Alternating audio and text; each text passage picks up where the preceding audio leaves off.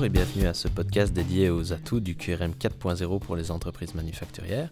Je suis Gauthier Losberg de Basmeuse Développement et aujourd'hui nous accueillons euh, les partenaires wallons du projet QRM 4.0 financé par Interreg Régio Meuserin et la Wallonie. Alors j'ai le plaisir d'avoir autour de la table Véronique Dossogne de Ciris, Frédéric Cambier de Technifutur, Laurence Johnson de la Sowalfin et Sema Gorur de la SBL Basmeuse Développement. Avant toute chose, je souhaite poser trois questions à Véronique. Qui es-tu? Qu'est-ce que le projet QRM 4.0 et quel est ton rôle dans ce projet? Bonjour Gauthier. Qui suis-je? Eh bien, je suis Véronique Dossogne et je suis ingénieure chez CIRIS, le Centre d'innovation de l'industrie technologique.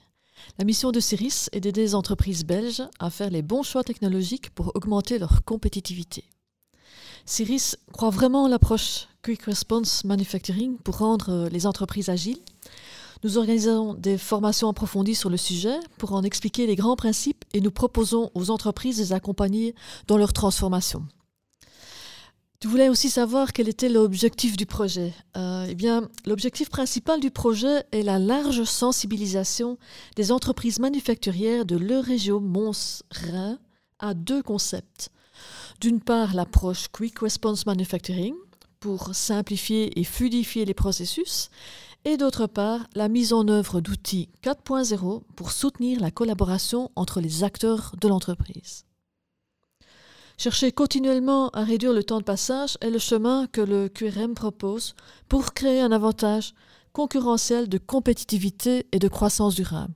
CIRIS est à l'initiative du projet européen Interreg QRM 4.0 en plus du rôle de partenaire responsable de projet, CERIS met ses connaissances et compétences en QRM à disposition des partenaires du projet et des entreprises participantes. Donc nous sommes fortement impliqués dès le moment où un réseau d'apprentissage est organisé ou lors du bootcamp où euh, l'idée est de proposer aux entreprises une formation qui introduit les principes du QRM. Merci Véronique. Alors je me tourne maintenant vers Frédéric Cambier de Technifutur. Alors maintenant que nous en savons plus sur ce projet QRM 4.0, euh, peux-tu nous dire Frédéric qui tu es et quel est ton rôle dans ce projet? Je m'appelle Frédéric Cambier, je suis chef de projet chez Technifutur Technifutur est un centre de compétences situé en région liégeoise. Donc, le rôle de Technifutur dans le projet QRM 4.0 est d'organiser des bootcamps, c'est-à-dire des, formations à l'intention des industriels intéressés par la thématique QRM 4.0. Alors, Technifutur est également impliqué dans le projet pour la mise en place de workshops. Et euh, pourquoi? Parce que nous avons des démonstrateurs, deux démonstrateurs assez importants. Euh, l'un de Festo et l'autre sur l'usinage 4.0. Et à partir de ces démonstrateurs, on peut organiser donc des séances thématiques sur différentes technologies euh, en relation avec le 4.0. Merci Frédéric. Maintenant, euh, je donne la parole à Laurence de la Sewalfin. Alors bonjour Laurence. Bonjour, donc euh, moi c'est Laurence Jensen et je suis conseillère au sein du pôle innovation de la Sewalfin. La Soalfine est partenaire depuis plus de 20 ans des PME. Alors, au-delà des solutions d'accompagnement et de financement qui sont adaptées au cycle de vie des entreprises, donc on a un département de création, croissance, internationalisation, eh bien, la Soalfine soutient les PME sur des thématiques transversales telles que l'innovation qui est considérée au sens large et notamment au sein des processus industriels. Alors ce projet Interreg est destiné à accroître la compétitivité des entreprises grâce à l'intégration d'outils numériques. Il s'intègre parfaitement dans les priorités de la région wallonne. Donc l'industrie 4.0 est notamment un des six domaines d'innovation stratégique. De plus, ce projet complète les programmes de sensibilisation et d'accompagnement qui existent en région wallonne et à disposition des PME manufacturières.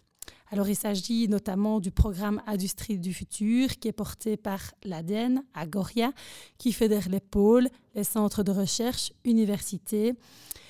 Afin d'accélérer la transformation des entreprises wallonnes, il nous paraît indispensable tout au long du processus de transformation numérique de renforcer les liens entre les différents acteurs de l'accompagnement pour permettre à ces entreprises de passer à l'action et d'investir.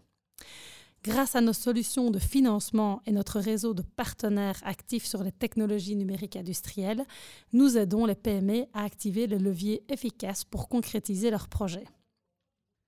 La Soalfine organisera le 6 octobre avec les partenaires une visite d'entreprise wallonne, Delay à Timistère, qui est pionnière dans la technologie du QRM 4.0. Les participants auront donc l'occasion d'y découvrir l'atelier, les robots, cobots et la manière dont la digitalisation a pu permettre la croissance de l'entreprise. Merci Laurence, on garde bien en tête cette date du 6 octobre. Et maintenant, je me tourne pour conclure vers SEMA de l'ASBL Basmeuse Développement. Alors, bonjour Sema, peux-tu te présenter, nous expliquer ce qu'est le projet QRM 4.0 à tes yeux et nous dire quel est le rôle de Basmeuse Développement dans ce projet? Bonjour Gauthier, je suis Sema Gorur, euh, responsable de projet chez Basmeuse Développement. Basmeuse Développement est l'agence de développement économique et territorial des villes et communes de la Basmeuse. Et l'action de la SBL s'articule autour de trois grands pôles d'activité les entreprises, les métiers et le territoire. Le projet QRM 4.0 vient s'intégrer dans les actions d'accompagnement des entreprises. J'ai en effet le plaisir de travailler sur le projet QRM 4.0. C'est un projet qui offre la possibilité aux entreprises manufacturières de réorganiser leur production afin de réduire considérablement leurs délais. Dans ce projet, nous avons surtout un rôle de networking qui consiste notamment à fédérer les PME manufacturières autour du QRM 4.0 et plus précisément dans le cadre du réseau d'apprentissage.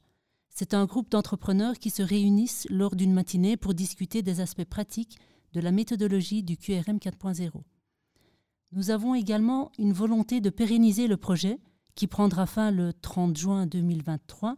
Quand quelqu'un voudra s'informer ou se former au QRM 4.0 après cette date, il pourra utiliser la boîte à outils que nous sommes en train de préparer. Concrètement, cette plateforme sera disponible en accès libre et gratuit sur Internet à l'adresse tools4qrm.eu. On pourra y retrouver des informations complètes, notamment sur les outils, les formations et points de contact de chaque région. Merci c'est noté. Alors, Séma, je te remercie et je vous remercie également toutes les personnes avec moi autour de la table.